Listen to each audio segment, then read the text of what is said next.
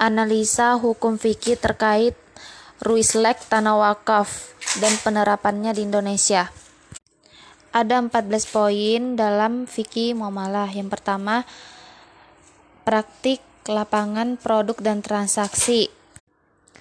Ruislek atau tukar menukar barang wakaf adalah dilarang, tetapi selama memenuhi syarat dengan mengajukan alasan-alasan yang telah ditentukan oleh perundang-undangan yang berlaku tetap diperbolehkannya melakukan perubahan atau pengalihan terhadap harta benda wakaf.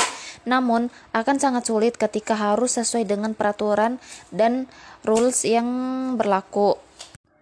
Yang kedua, parameter kesesuaian syariah. Ada perbedaan pendapat mengenai ruislek wakaf. Sebab hukum asli dari Ruislek wakaf itu sendiri adalah dilarang dan tidak sesuai sebab bisa terjadi penyalahgunaan dari barang wakaf itu sendiri. Namun, menurut hukum positif di Indonesia, hukumnya menjadi boleh apabila sesuai dengan peraturan dari pemerintah. Yang ketiga, adab etika bisnis Islam. Adat adabnya itu tidak sesuai dengan syariah karena banyak ulama yang melarang Keempat, usul fikih. Hadis yang diriwayatkan oleh Umar bin Syabah dari Amr bin Sa'ad bil Mu'ad.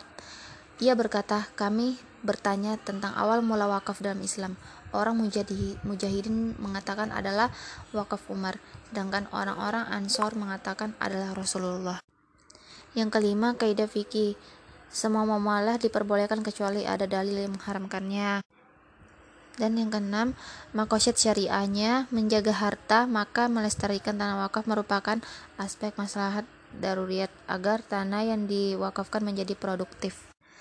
Akad fikihnya akad tabaru. Konsep fikih muamalah sebagian ulama fikih melarang ruslek wakaf karena dapat menyebabkan penyalahgunaan benda wakaf itu sendiri.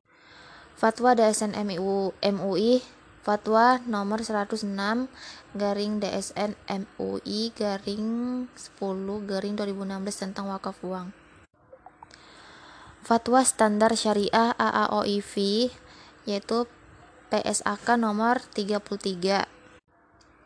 Undang-undang dan regulasi terkait yaitu peraturan pemerintah nomor 42 tahun 2006 tentang wakaf. Jurnal nasional dan internasional, tukar guling Ruslek wakaf tanah wakaf pada proyek jalan tol Pejan Pemalang di Kabupaten Tegal perspektif hukum Islam oleh Mosbahudin tahun 2018. Berita dan informasi. Berita dari Kemenak